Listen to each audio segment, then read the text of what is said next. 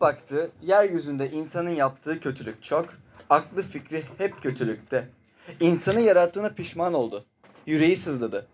Yarattığım insanları, hayvanları, sürüngenleri, kuşları yeryüzünden silip atacağım dedi. Çünkü onları yarattığıma pişman oldum.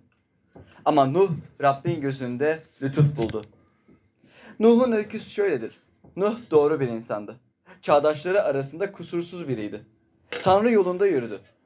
Üç oğlu vardı. Sam, Ham, Yafet. Tanrı'nın gözünde yeryüzü bozulmuş, zorbalıkla dolmuştu. Tanrı yeryüzüne baktı ve her şeyin nedenle bozulduğunu gördü. Çünkü insanlar yoldan çıkmıştı. Tanrı Nuh'a insanlığa son vereceğim dedi. Çünkü onlar yüzünden yeryüzü zorbalıkla doldu. Onlarla birlikte yeryüzünü de yok edeceğim. Tufan 40 gün sürdü. Çoğalan sular gemiyi yerden yukarı kaldırdı. Sular yükseldi, çoğaldıkça çoğaldı. Gemi suyun üzerinde yüzmeye başladı. Amin. Buyurun Simon Bey.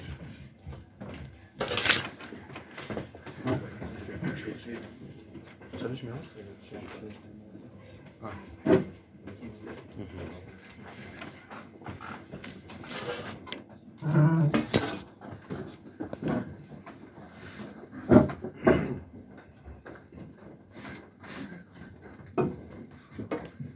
Şimdi teknikten duydum. Bu mikrofon maalesef çalışmıyor.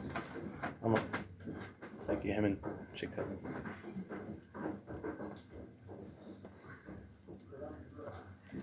Bir, bir saniye.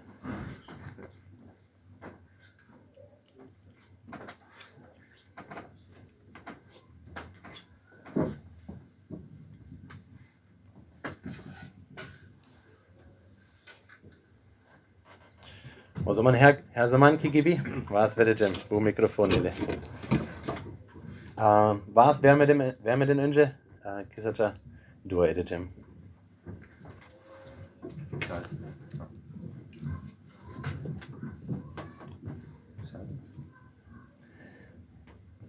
Ya göklerdeki babamız, uh, okuduğumuz metin, zorbe metin. Um, ama aynı zamanda senin sözün aracılığıyla bize konuşabilirsin ve bunu bunun için seni sana soruyorum. Lütfen bize konuş, yüreklerimize açık olsun. Senin sözünü daha iyi anlamak için, seni daha iyi tanımak için lütfen bize yardım et. İsa Mesih'in adıyla Amen. Bu iyi çalışıyor. Aa, bu daha iyi. Biraz daha yakın. Evet, teşekkürler. Um, şu anda Tanrı'nın yaratışı hakkında olan vaaz devam ediyoruz. Tanrı dünyayı, dağları, hayvanları ve insanı yarattı. Bunun sonra yaratılış 3. Um, bölümünde görüyoruz ki insanın ve onunla birlikte tüm insanlığı günaha düştüğü uh, ve bunu görüyoruz. Tanrı ile ara, um, insanlar arasındaki ilişki kopmuştu. Ve geçen hafta günahın neler yapabileceğini bilgiden duyduk. Günah insanın içinde içindedir ve eylemlerimizi etkiler. Geçen hafta insanlığın ilk cinayetini dinledik. Kain Habil'i öldürdü. Bu hafta ise Nuh ve tufan olayına bakacağız. Metnin, metnin konusu ilahi yargı. Tanrı'nın yargısı hakkındadır. Bu zor bir konu. İlahi yargı fikri rahatsız edici, modası geçmiş ve benim için pratik olarak alakasız diyebilirsiniz. Bazılarınız ise kutsal kitabın cezalandırıcı Tanrısına nasıl inanabileceğini söylüyor olabilir. Ya da belki Tanrı'nın kötü insanları daha fazla cezalandırması gerektiğini söylüyor olabilir. Tanrı kötüleri yargılıyorsa neden bu dünyadaki acıları durdurmuyor?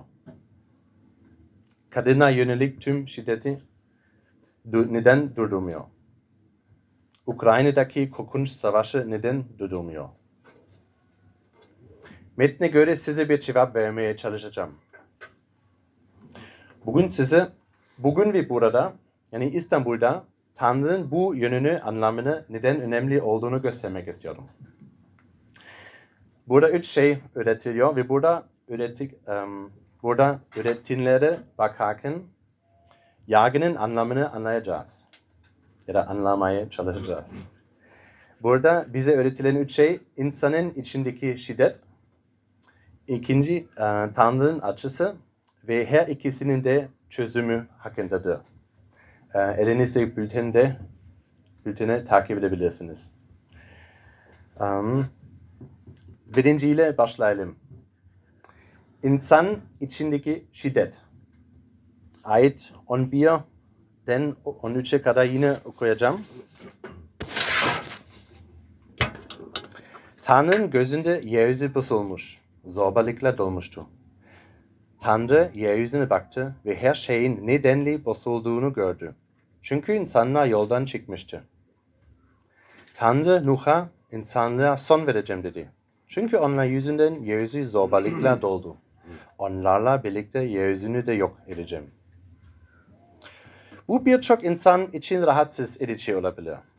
Bunu okuduğunda ne düşünüyorsunuz? Belki Tanrı neden yaptığımız seçimlerden memnun olmadığı için herkesi yok etmek zorunda. Belki de biraz daha katkısını veriyorsun ki böyle bir şey yapan bir Tanrı'ya inanamam. Hatta katlanamam. Ve evet ilahi yargı veya ilahi intikam fikri bizi sorun çıkarır. Ama ilahi yargıya inanmamanın neden daha büyük bir sorun olduğunu size göstermek istiyorum. Soruna neden olan insanın içindeki, içindeki şiddeti. Bu metin bize şiddetin, e, bu metin bize bu şiddetin ilahi yargıya uyandırdığını, hatta bir nevi yarattığını söyler. Ayet 11 ve 13'te görebiliriz. Tanrısal yargı, yargıyı getiren şey budur. İnsanın içindeki şiddet. Kıyamet gününe ve dünyaya yargılayacak bir Tanrı'nın olduğuna inanmıyorsan, bunu ilkel ve gada olduğunu söylüyorsan, o zaman insanın içindeki şiddet anlamakla ilgili büyük bir sorunun var demektir. Aslında insanın içindeki şiddeti anlamakla ilgili üç aşılmaz sorun var. Eğer ilahi yargıya inanmazsak, şiddetin doğalına ve içten geldiğine karşı hiçbir entelektüel, entelektüel savunmamız olamaz. Şiddetin sihirliliğine karşı duygusal bir savunmamız da olamaz. Ve şiddetin sonsuzluğuna karşı yine hiçbir kültürel savunmamız olamaz. Anlatacağım ne söylemek istedim. İlk olarak ilahi yargıya inanmıyorsun. İn, in inanmıyorsan büyük bir entelektüel problemin var. Şiddetin doğalına karşı kimsenin entelektüel, pardon, yanlış sıraya geçtim. Evet, doğalına karşı kimsenin entelektüel bir savunması yoktur. Ne demek istiyorum? Büyük balığın suda küçük balığı yediğini görüyorsun. Önemli değil diyorsun. Neden? Bu doğaldır. Şiddet tamamen doğaldır.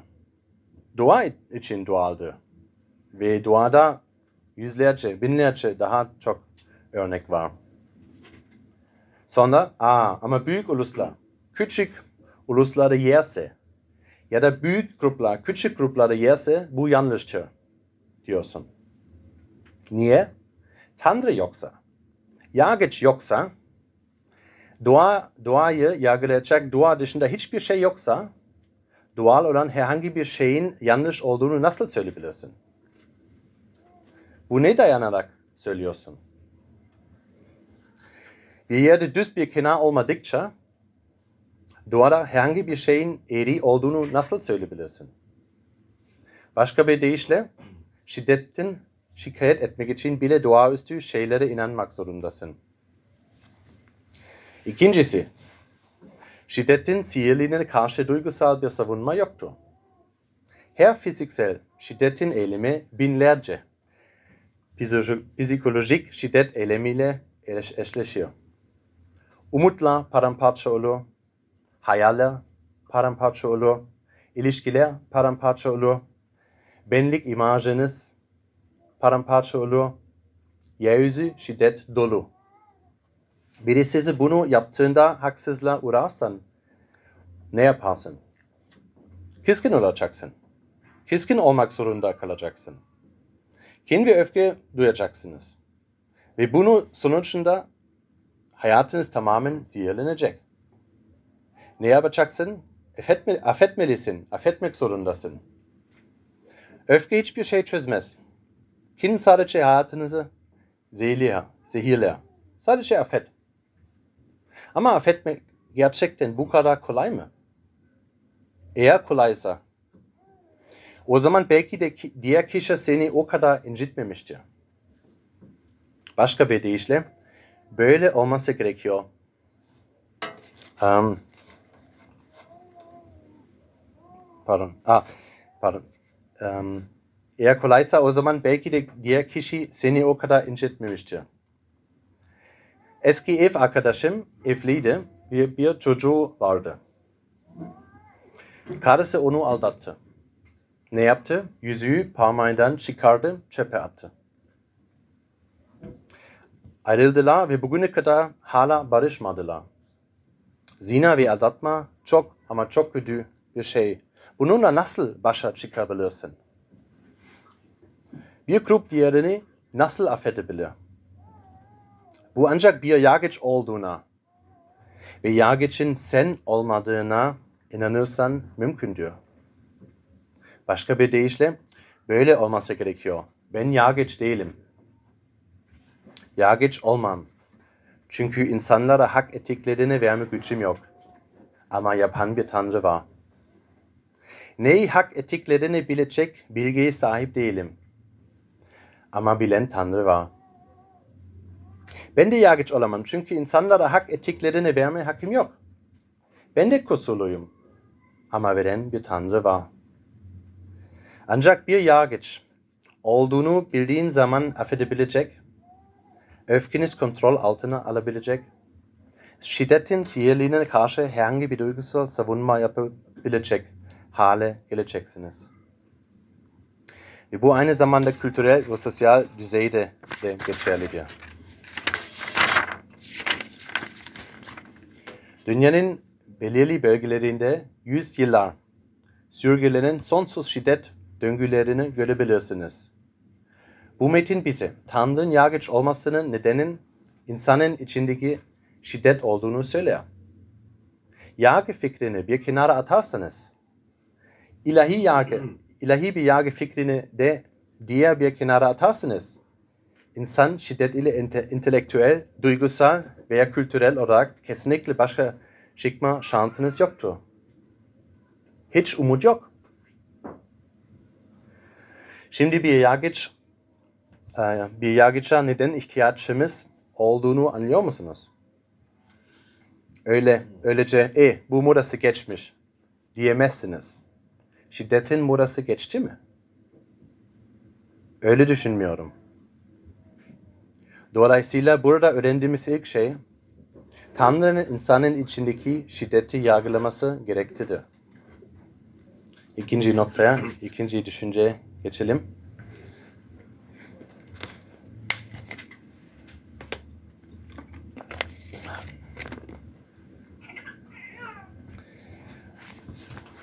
Tanrı'nın açısı. Bu odada bu fikirden nefret ediyorum diyen biri var mı? Tanrı'nın yargısını düşünmeyi korkunç buluyor musunuz? İlahi intikam fikri canınızı sıkan bir şey mi? Duygusal olarak üstesinden gelmeyeceğin bir şey mi? İnsan kötülüğü hakkında düşünüp üzülüyorsan bu yanlış bir şey değildir. Çünkü bu düşünceye senden çok daha fazla üzülen başka biri var. Tanrı. Aslında senin hoşlanmayışın, çekinge, çekingenliğin, irenme ve umutsuzluğun onunkiyle kıyaslanamaz. Bu ilginç değil mi? Beşinci ayete bakın. Ne görüyorsunuz? Rab baktı, yeryüzünde insanın yaptığı kötülük çok. Aklı fikri hep kötülükte. Bu korkunç bir ayet. İşte yargıç ve yargılıyor. Ne yazdığına bakın. Hep kötülükte. Aklı fikri hep kötülükte. Ve şimdi ayet yargıya duyu, duyulan ihtiyacı gösteriyor. Ancak 6. ayet bize yargılama sorunu gösteriyor. Tanrı yapılması gereken e, gerekeni gördüğünde ne yapıyor? Ayet 6 insanı yarattığında pişman oldu. Yüreği sızladı. Onun tepkisi nasıldı ve ne, ne olmuştu? Yüreği acıyla dolmuştu, sızlamıştı. İlahi yargıya kızgın mısın? Tanrı senin kızdığından daha da üzgün. Bunu düşünde e, bunu düşündüğünde üzülüyor musun? Tanrı seni Tanrı daha da üzgün. Tanrı sadece biraz mı acı çekiyor? Hayır, gerçekten acı içinde. Nasıl bir açıklama? Bu nasıl olabilir ki? Bu ne anlama geliyor? Bu Tanrı'nın gönüllü olarak yüreğini ve yaşamını bizimle birleştirdiği anlamına geliyor. Zorunda değildi. O Tanrı'dır. Bizi sorun, sorunluktan yaratmadı. Yüreğini bize isteyerek bağlarak e, bağladı. İsteyerek bağladı. Bu yüzden kendi sevinci bize o kadar derinden bağlı olmalı ki hayatımızda bir şeylerin yanlış gittiğini gördüğünde acı hissediyor. Bu ne anlama geliyor? Birincisi buradaki hikayenin bir anlamı var. Tanrı bize yüreğine bağladı ama biz Aden bahçesinde Aden bahçesinde seni istemiyoruz, sana güvenmiyoruz dedik ve yüz çevirdik. İnsanlık tarihi neden burada durmadı? Tanrı bunu neden durdurmadı? Neden sen ve ben buradayız? Neden herhangi bir insanlık tarihi var? Bugün neden buradayız? Cevap, Tanrı'nın sızlamayı seçmesi. Çünkü Tanrı acı çekmeyi seçti. Ayet 6'da ne görüyorsun? Diyor ki yüreği sızladı. Tanrı dünyanın günahları ve insan için acı çekiyor. Bu hikayenin olmasının tek nedeni Tanrı'nın acı çekmeyi istekli olmasıdır. Şimdi insanın şiddetini ve Tanrı'nın acısını, acısını gördük. Ama her ikisinin için de bir çözüm var. İkisinin de çözüm nedir? Tanrı hem yargıç hem de sevgi nasıl olabilir? Tanrı adalet, adaletsizliğe tamamen karşıyken nasıl olur da kendini tam olarak adayabilir? Tanrı nasıl Tanrı nasıl e, hem adil hem de sevgi olabilir? Tanrı adilse acı çekmez. Sadece insanları yargılar. Tanrı sadece sevgi ise ve kabul edip hoş görürse sadece insanları kabul eder. Ama o Tanrı hem adil hem de sevgi Tanrısıysa, kutsal ve şefkatliyse acı çeker. Tanrı'nın duasıdır. Tanrı hem tan Tanrı Adem ve Havva'nın ne yaptığını gördüğünde, bizim ne yaptığımızı gördüğünde herkesten daha fazla acı çekeceğini, çekeceğini biliyordu. Ama yine de hikayenin devam etmesine izin verdi.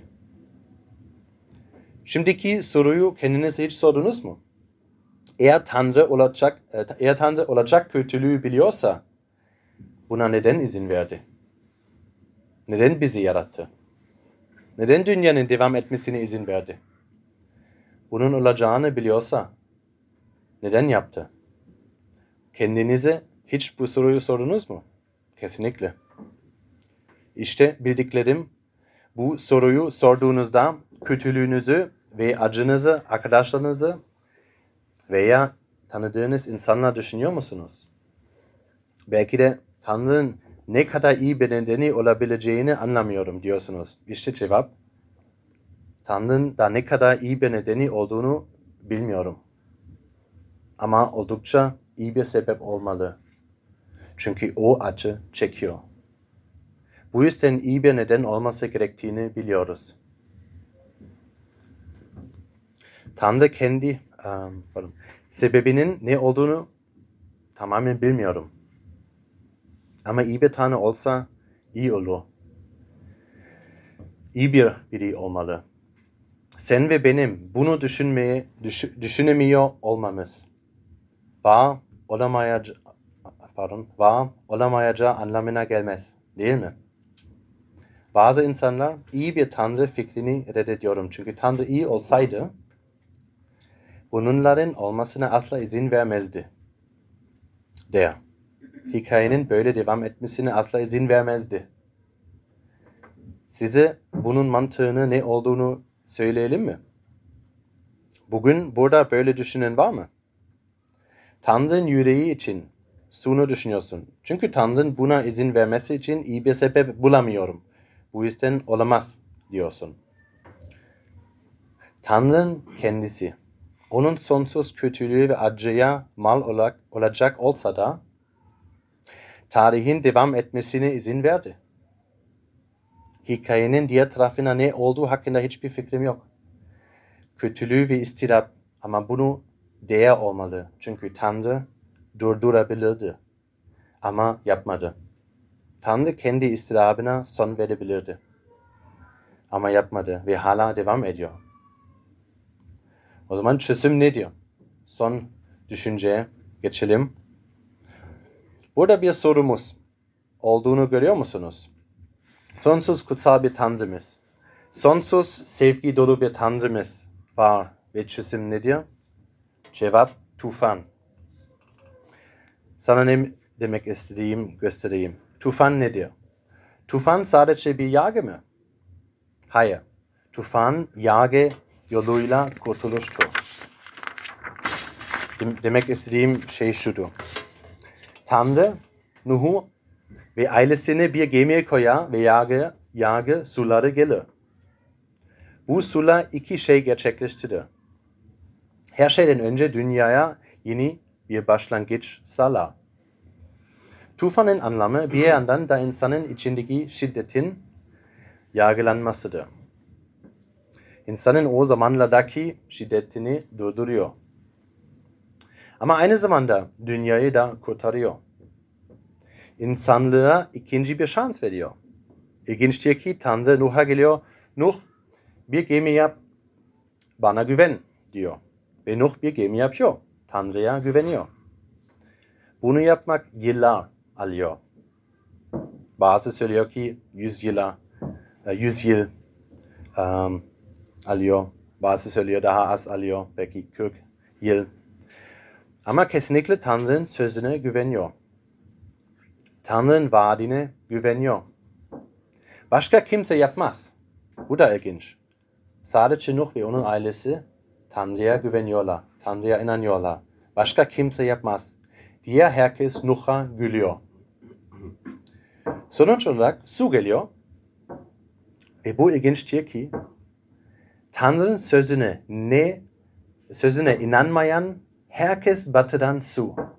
Nuh'u kaldırıyor. Bunu görüyor musun? 40 gün boyunca yeryüzünü tufan bastırıyor. Su yükselince ne olur? Sular çoğaldıkça herkes eziliyor. Ama Tanrı'nın vaadine inanmayanları ezen sular iman edenleri yükseltiyor. Tanrı'nın verdiği yargı onları kurtarıyor. İlginç olan şey tufan ne kadar etkiliydi? Ne kadar işe yaradı? Ya çok değil. Devamını okursanız 9. ve 10.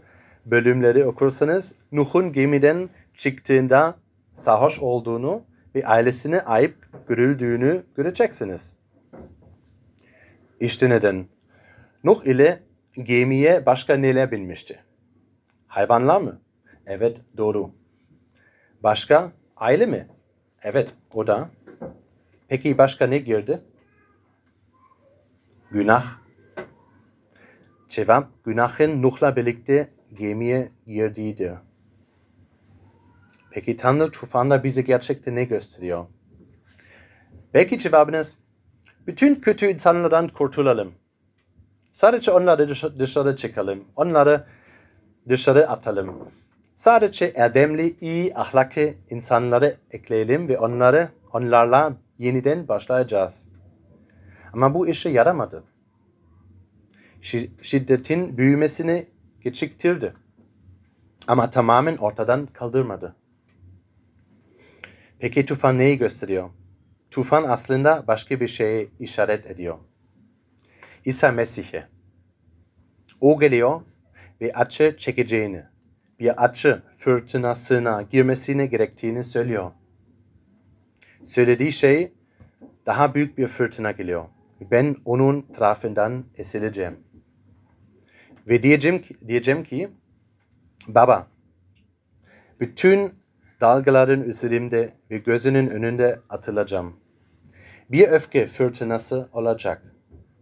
Bir adalet fırtınası, fırtına, fırtınası olacak.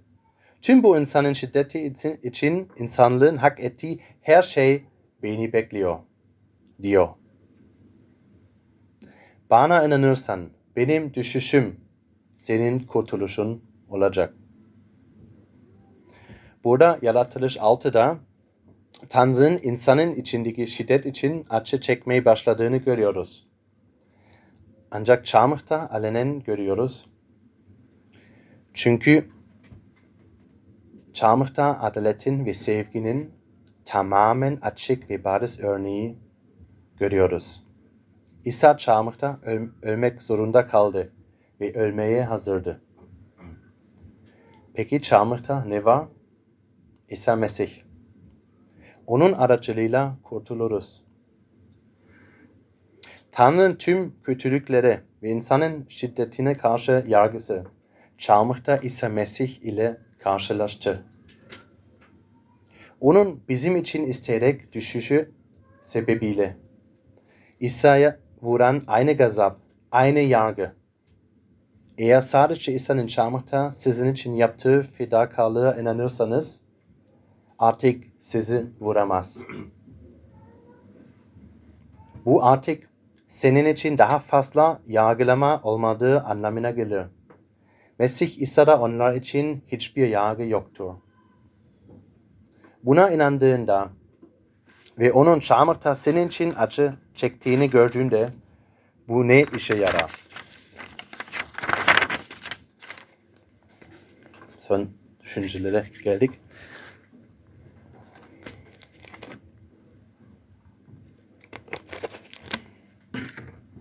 Tanrı'nın adil bir yargıç olduğuna inanıyorsan, aynı zamanda Tanrı sevgidir ve gelip kendi oğlunu çarmıhta senin için yargıladığında, da- yargıladığına, pardon, senin için yargıladığına ve artık kurtulduğuna inanıyorsan, o zaman hayatın farklı şekilde değişecektir. İlk olarak tufan anlatısı bize bu dünyanın önemli olduğunu söyler. Tufan, Tanrı'nın yaratma yükümlülüğüdür. Tufan Tanrı'nın yeryüzüne, hayvanlara karşı bir yükümlülüğüdür.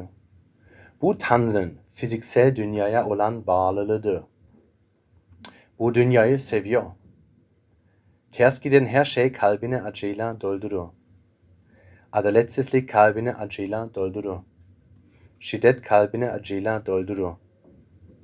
Tanrı müdahale eder. Tanrı katılmıştır.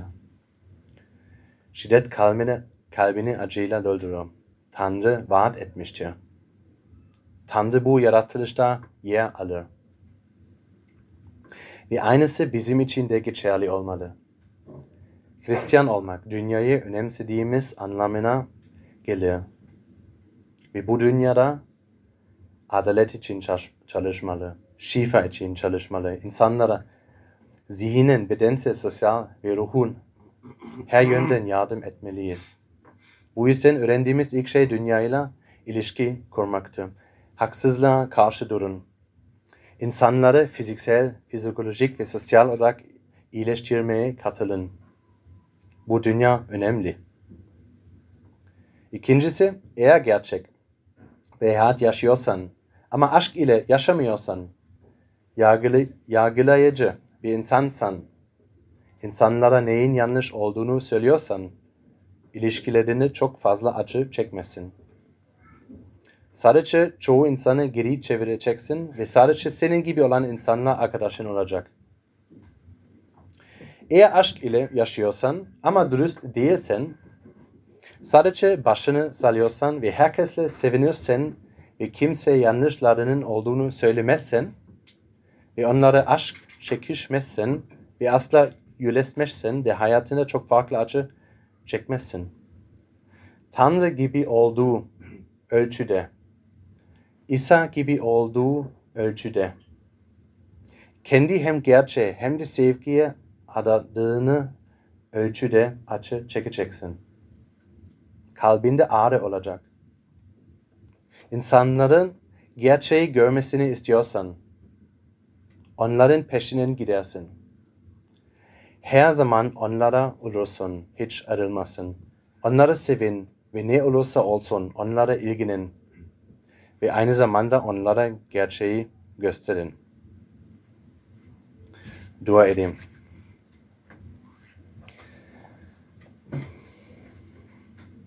Ya göklerdeki babamız, sen senin oğlunu dünyaya gönderdin ve İsa Mesih bizim için çarmıhta öldü. Ve bunun için sana şükrediyorum. Ve bu gerçeği daha iyi anlamak için lütfen bize yardım et. Yanımızda ol. İsa Mesih'in adıyla. Amin.